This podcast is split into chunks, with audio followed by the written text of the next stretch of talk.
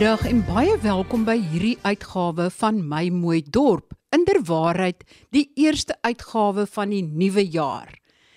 En ek wens almal 'n fantastiese, goeie, opbouende, produktiewe nuwe jaar toe. Ek gesels vandag weer met 'n gas wat ek al gereeld op my program gehad het. Meneer Quentin Adams. Hy staan bekend as die Shack Builder en hy is ook die skepper van die Backyard Wasty. Maar nou het van hierdie drome vlerke gekry. Want die volgende stap is deelnemende ruimtelike beplanning van informele nedersettings saam met die bou van super shacks om die groot behuisingsprobleem op te los.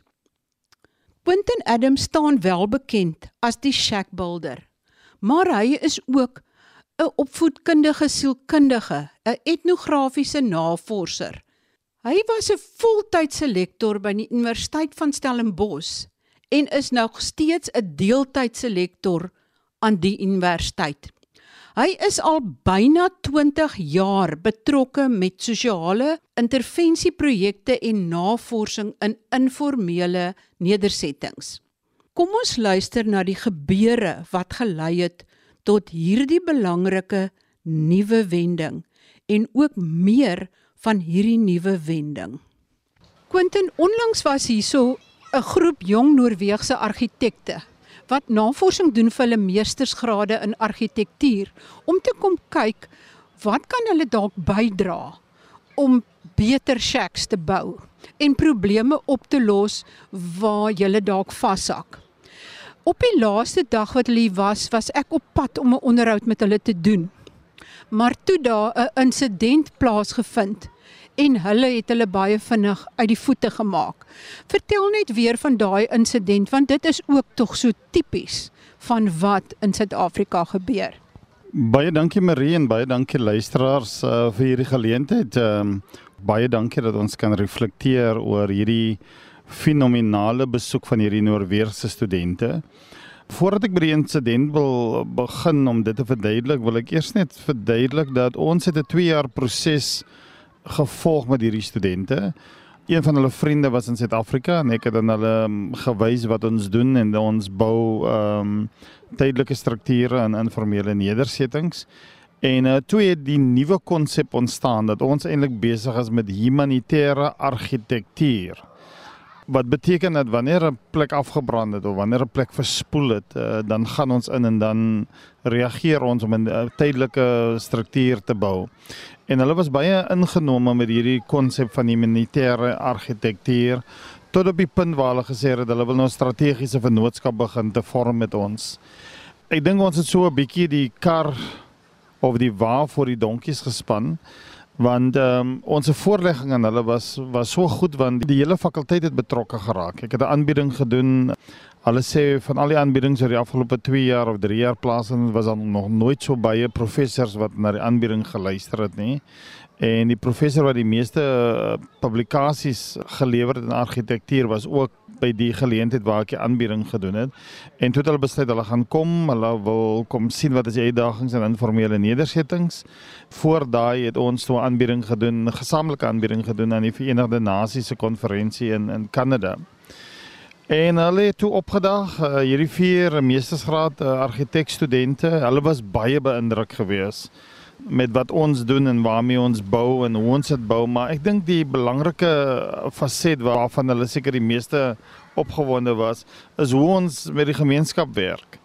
Die feit dat ons toegang het tot hierdie omgewings waar mense baie bang is, mense is versigtig om in hierdie informele nedersettings te gaan. En toe het ons begin om kursusse te doen en hulle het vir ons opleiding gegee. Toe het ons besluit ons gaan 'n nuwe struktuur vorm. Ons gaan een op uh, installasies gaan ons bou. Ons gaan nuwe metodes wat hulle ons geleer het, gaan ons implementeer. En die laaste dag, dit was nou 2 dae voor hulle vertrek. Is ons besig om te bou in Khayelitsha en daar kom die polisie, die wetstoepassers van die stad kom toe daar en hulle sê dat hierdie is nou 'n onwettige struktuur wat ons nou gebou het. Ek sê ons was so geskok geweest want ons sê hoe kan julle nou voor ons gaste, internasionale gaste, en, maar dit was nie net die feit dat hulle gekom het, hulle was gewapend geweest en hierdie Noorweerse studente sê hulle hulle kom van 'n omgewing waar die polisie nie met wapens rond beweeg nie. En die feit dat hulle wou dit afgebreek het en daar was toe 'n konflik tussen die wetstoepassers en en die gemeenskap wat ek dink uh, baie skadelik vir beide partye sou gewees het tot op die vlak waar hierdie jong mense gesê het hulle gaan nou die die plek verlaat. Hulle was nog nooit so getraumatiseer gewees nie. En deur middel van konflikhantering en ontlonting kon ons toe gepraat het met hierdie wetstoepassers om te sê maar breek die struktuur af wat daar staan. Moenie die nuwe struktuur afbreek nie. Toe ons nou later gereflekteer het, het ons vir hulle gesê welkom tot die Suid-Afrikaanse realiteit. Hulle was so verboureerd geweest en toe moet ons vinniger bou want as ons nie die plek afbreek wat langs in staan en die nuwe ene klaarmaak nie dan gaan daar verdere reperkusies wees. Dit was nogals een van die insidente wat baie traumaties vir hulle was. Ons was geskok geweest want ons het gedink hier is ons nou besig om 'n nuwe struktuur, 'n nuwe model daar te stel wat wat ongelooflik lyk. Van al die strukture wat ek nou al gebou het in die gemeenskap, is hierdie struktuur wat ek dink regtig die behuisingskrisis kan oplos want ons het dit op stellasies gebou. Ons het 'n uh, plankvloer ingesit wat ons nog nooit ingesit het. Ons het 'n uh, duurvol onder gesit.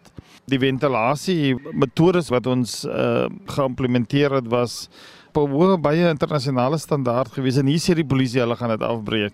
So ja, dit was 'n baie baie emosionele en traumatiese geleentheid vir hulle gewees. Maar was dit 'n onwettige struktuur?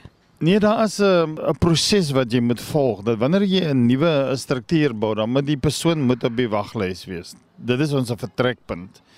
Maar jy moet ook verstaan dat daar 'n geskiedenis met die wetstoepassers in Entembeni. Hierdie manne kom in, hulle is 30 met hulle motors, met hulle voertuie. Hulle kom net om af te breek.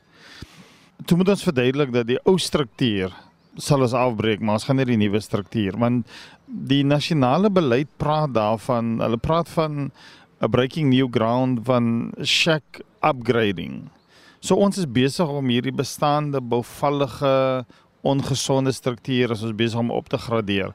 Nadat ons nou onder, onderhandel het en en vir hulle verduidelik het wat besig is om te gebeur, dis ons vir hulle maar ons is bereid om die ou struktuur nou onmiddellik af te breek.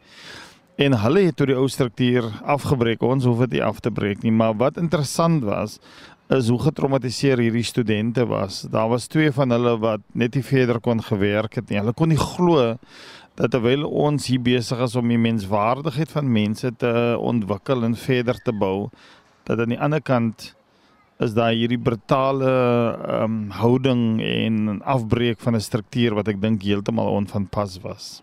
Dit wys ook miskien in hoe uh, getraumatiseerde omstandighede ons almal eintlik lewe en eintlik nie eens elke dag daarvan bewus is nie. Ja, ek dink as ons 'n gesprek het om die proses te verduidelik, want ons kon nie die storie ontlont het nadat die proses verduidelik was. En ek dink ons kommunikeer verby mekaar in hierdie land. Uh, ons kommunikeer en ons praat, maar ons praat nie met mekaar nie. Ons gesels nie, ons verstaan nie mekaar nie wat interessant was is dat uh, van die enkele wetstoepassers wat daar was uh, nadat hulle nou die ou struktuur uh, afgebreek het. En dan het ons gevra of julle nie vir ons daar by ons families ook so 'n mooi struktuur kom bou nie. Dit was nou die ander storie. My standpunt is dat ons werk nie teen die stad Kaapstad nie. Ons werk nie teen die beleid van stad Kaapstad nie. Ons is hier om uh saam met die stad en saam met die provinsie en saam met die departement van menslike behuising of uh, human settlement op, om oplossings te genereer. Uh, dit is ons standpunt. As ons buite kan die wet is, dan is dit belangrik dat mense vir ons moet sê ons is buite kan die wet. Maar ek dink wat belangrik is is dat ons volg die wet, ons verstaan die prosesse, Ons verstaan dat ons gaan nie bou vir mense wat nie op 'n waglys is nie. En ons het ook nie 'n politieke agenda nie. Ek dink dit is wat belangrik is. Vir my is dit belangrik dat ons 'n oplossing vir die behuisingskrisis en ek dink ons is aan die voorpunt van alternatiewe behuisingsmetode. Die nasionale beleid praat van die bodem af op benadering hoe om om hierdie situasie uh, te kan aanspreek. En ek moet vir jou sê dat Intembeni het nou 'n nuwe proses begin. Sedert ons nou in Tembeni begin werk het, het ander informele nedersettings ook na ons toe gekom in Khayelitsha. Daar was nou die dag in Oktober maand was daar 'n opmars gewees. 'n protes optog gewees as gevolg van iemand wat 'n vrou verkragt het in in in die omgewing. En toe stap hierdie hele protes optog verby die nuwe struktuur wat wat ons gebou het. En daar stop die leierskap. Die Sanko leierskap wat deel was van daai optog stop die protes optog en hulle stap na die struktuur toe en hulle doen inspeksie van die struktuur en hulle vra onmiddellik wie is die mense wat hierdie strukture bou. Ek is toe onmiddellik genooi na 'n massa vergadering toe. Ek was ek het nie geweet wat ek kan verwag nie toe ek daar kom.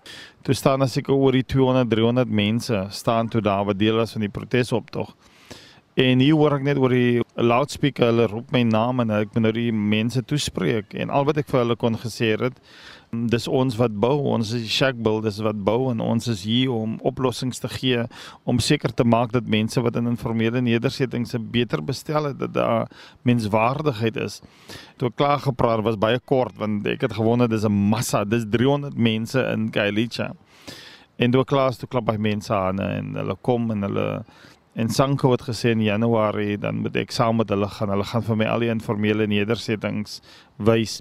En dis die boodskap wat ek wil uitdra is dat ons wil deel wees van 'n oplossing. Ons wil deel wees van alternatiewe behuisingsmetodes waar ons sê dat hierdie krisis wat ontstaan binne informele nedersetting, ons het nie al die oplossings nie, maar ons het 'n oplossing. En ons het 'n benadering wat ons volg wat vir ons al hoe meer duideliker wys dat daar groot suksesse is en dat daar groot impak is op hierdie stadium in in Entebbe Kalicha.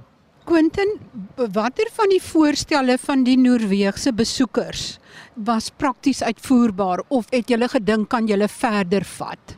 Dit was 'n ongelooflike proses wat hulle na die Shack Builders projek gebring het. Die eerste ding wat ek dink interessant was, is dat ons het eers gebou en hulle het waargeneem. So hulle het nie hier gekom omdat hulle meer kundig is en hulle en hulle is meestersgraadstudente en vir ons sê maar dit is wat hulle dink ons moet doen nie.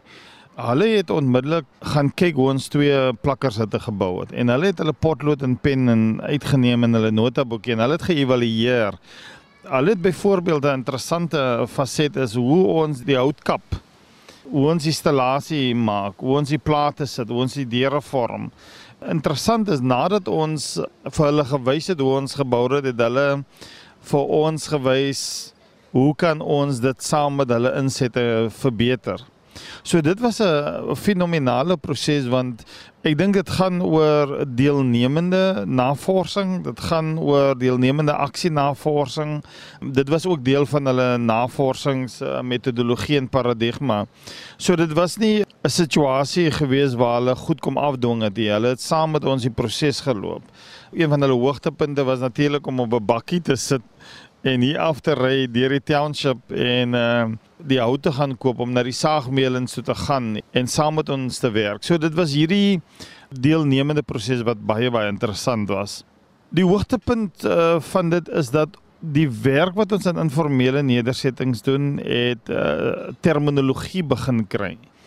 As ons in die informele nedersetting gaan dan dan het ons eers hierdie sessie met die leierskap. Ons praat met die leierskap ons dwing nie ons uh, beginsels in ons projekte af nie. Daar's 'n baie sterk uh, deelnemende interaksie, mutualisme binne in hierdie hele proses wat die Shack Builders met Entembeni het. En toe begin hulle vir ons sê maar ons is in die Engelse woord is ons is besig met co-urban design en hulle het ons heeltemal deur hierdie eh, stedelike ontwerp en stedelike beplanning gevat oor waarmee ons al reeds uh, besig is. So wat gebeur is dat ons het weg begin stap met hierdie nuwe paradigma dat ons nie net 'n shack bou nie. Ons bou nie net 'n plakkershut nie.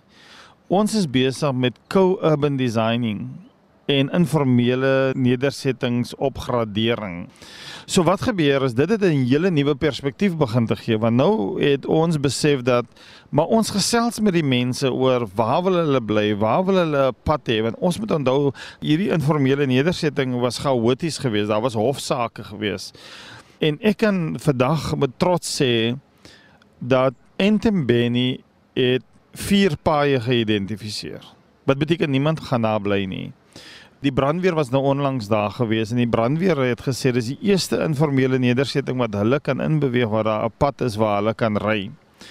Volgende jaar gaan ons 'n voorskool bou, maar voordat ek daar kom is dat ons het vir hierdie argitekstudente gewys waarmee ons besig is en toe het hulle vir ons vaardighede gegee van co-urban design. Byvoorbeeld digitale kartering ons het op die internet gegaan en ons het gegaan na Street Maps toe en ons het dit begin te teken daar. Ons het die drone het ons opgestuur en ons het foto's geneem. Ons het gekyk waar die water is en wat is besig om te gebeur ten opsigte van die water. Ons het gekyk na migrasiepatrone van die mense wat daar is. So wat hulle begin, wat hulle kom doen het die en ek dink dit was 'n interessante gedeelte is dat ons het nou uitgevind, hey, ons is besig met co-urban design. Dit is nie net 'n lukraak boue shack hier en 'n boue shack daar nie, maar dit is 'n stedelike ontwerp en beplanningsproses en prosedure en ek moet vir jou sê dat behalwe die tegniese aspekte uh en gaan nou daaroor praat was hierdie seker die grootste paradigma skuif geweest want nou kan ons na enige informele nedersetting toe gaan. Ons gaan nie net 'n shack bou nie. Ons gaan nie net 'n 'n vinnige pakkie kos uitdeel. Ons gaan nie net vinnig uh, vir die mense help nie. Ons gaan nou eers gesprek hê met die mense en sê hoe sien julle hierdie plek? Hoe moet dit ontwikkel word? Marie, ek moet vir jou sê dit was grondverskuivende perspektiewe geweest.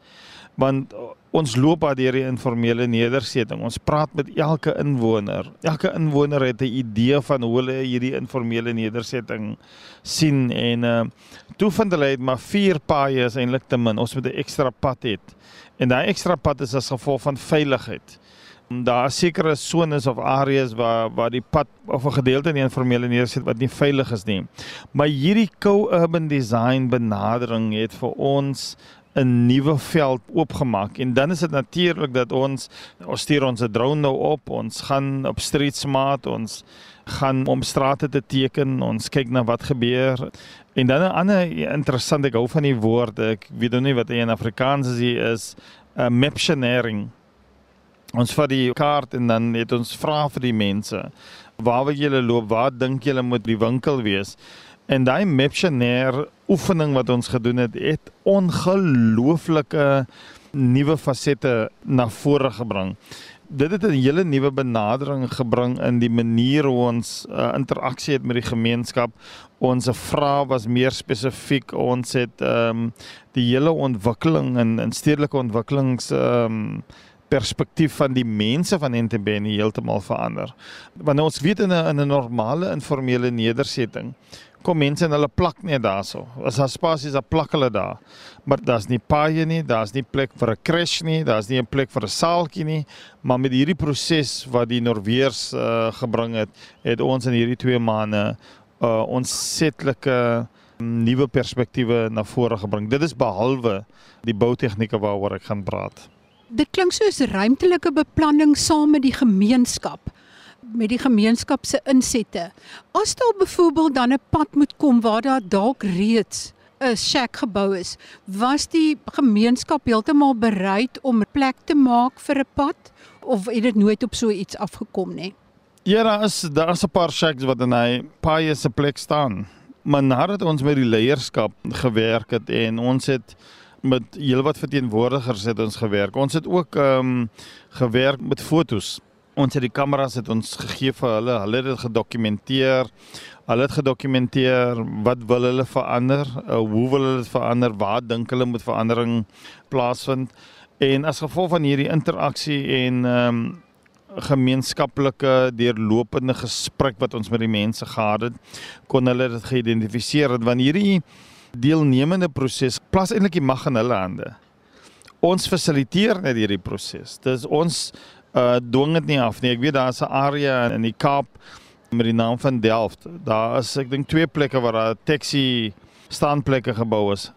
Ek sien nie 'n taxi daar nie, want die mense wat dit gebou het, het nooit nooit met die taxi ehm um, bestuurders gepraat nie. Jy weet dit is hierdie kragdadige benadering want ons dink dit is wat vir julle goed is. En wat vir my opvallend was van hierdie gesprek is hoe mense medeskeppers van hulle realiteit wil wees. Hulle wil nie in 'n informele nedersetting wees wat uh oorlaai is met shacks nie. Hulle wil hê daar moet paaie wees. Hulle wil hê daar moet daar moet 'n crash wees. Hulle wil hê daar moet 'n spasie wees waar 'n gemeenskap uh, sentrum gebou moet word. Maar dit is die erkenning wat ons vir hulle gegee het. Ons het hulle erken as as skeppers van 'n van 'n nuwe belewenis. Ons het ook so ver gegaan om hulle drone tegnologie te wys om hulle te sien daai ding in die lug sit. En dit is wat vir my opgewonde gemaak het om te sien dat hierdie bemagtiging want ons weet in informele nedersettings is daar baie frustrasie en aggressie. En mense is kwaad want hulle het nie toilette nie, hulle het nie uh, voldoende behuising nie. Wanneer dit winter is, dan oorspoel hulle plekke. Hulle sukkel met kos, hulle sukkel met komberse. En hier het ons 'n proses begin om te sê julle is mede-skeppers van 'n nuwe realiteit. Dit het ons 'n verhouding met hulle totaal op 'n nuwe vlak geneem net om te wys vir hulle dat ons wil saam met julle skep. En ek moet vir jou sê Marie is dat dit wat die Noorweer saam met ons kom doen het kan die toekoms van informele nedersettings heeltemal verander. Ons gaan nou hierdie bronne wat ons het, gaan ons nou in 'n handleiding omsit. Ons dink aan om dit in 'n app te sit as daar informele nedersetting in Ceres is of waar ook al wat hierdie proses wil begin, dan wil ons hulle deur so 'n proses begin te neem. Ons sal nog steeds die shack building doen, maar ek dink ons moet hierdie nuwe uh, stedelike beplanning vir informele nedersettings. Dis 'n nuwe paradigma wat ek nog nie gehoor het op hierdie stadium bestaan in Suid-Afrika nie. Sjoe, ek dink is verskriklik opwindend want ek dink een van die groot probleme is juis die vooruitbeplanning wat die ruimtelike beplanning insluit want eintlik teen die tyd wat die mense inkom moet daar eintlik klaar paaie wees sodat hulle weet waar om te bou of jy moet saam met hulle beplan sodat daar paaie kan wees en al die huisies net bo mekaar sit en 'n ambulans of 'n brandweer wa maklik tot by hulle huise kan kom.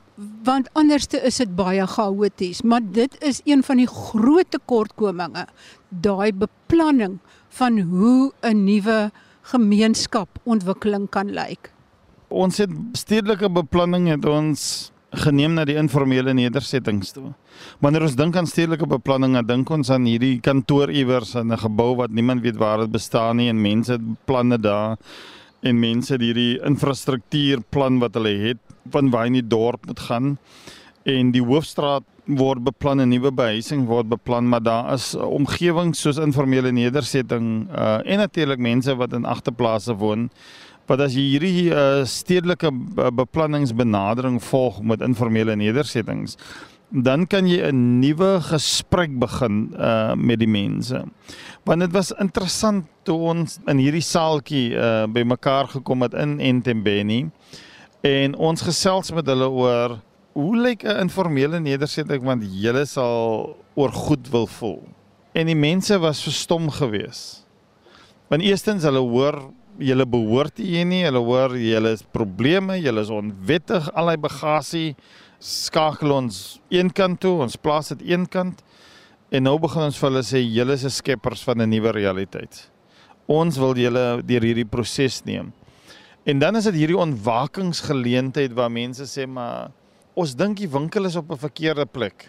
Ons het 'n winkel daar in die hoek en dit is hoekom as so baie misdaad is in daai winkel want want die die informele nedersetting is hierdie kant maar die winkel is daardie kant. Dan het ons nog 'n winkel begin maar hierdie winkel is aan ver daar waar daar glad nie mense is nie. En dan het ons na die migrasiepatrone van hulle bestaans gekyk. Hoe loop hulle? Waar loop hulle? Wanneer loop hulle? Hoe laat loop hulle? waar moet die krane wees? Hulle het nou uitgevind dat hulle moet nou met die stad praat daaroor om te sê maar die krane is eintlik of wat hulle gaan bou of insit is eintlik op verkeerde plek. Hulle moet dit op ander plekke sit. Jy kon gesien het hierdie opgewondenheid van hulle en die feit dat hulle medeskeppers kan word van hierdie proses. En dan belangrik is dat mense het drome. Hierdie mense het drome. Mense het 'n droom van 'n beter plek. Ek het daar gesit in my kommentaar was lyk like my ons moet ehm um, stedelike beplanning aan die regering bekendstel oor hoe lyk hierdie land en hoe wyn wil ons gaan want mense in informele nedersettings het drome. Hulle drome van 'n beter plek, 'n beter omgewing, 'n veilige plek en baie interessant is hulle het selfs gekom en gesê maar daar moet entrepreneurs nodes ook wees of sones moet daar wees.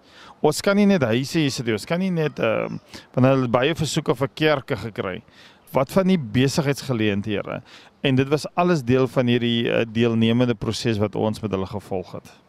Baie dankie aan Quentin Adams, die baie bekende shack builder, maar hy is ook baie meer as bloot 'n shack builder, soos wat julle vandag kon agterkom.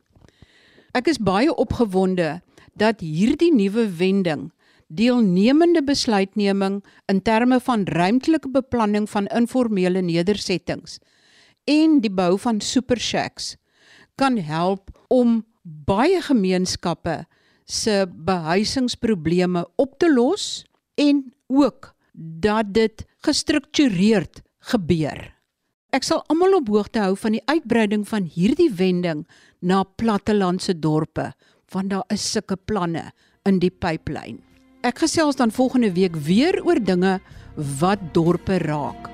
Baie groete van my, Marie Hudson.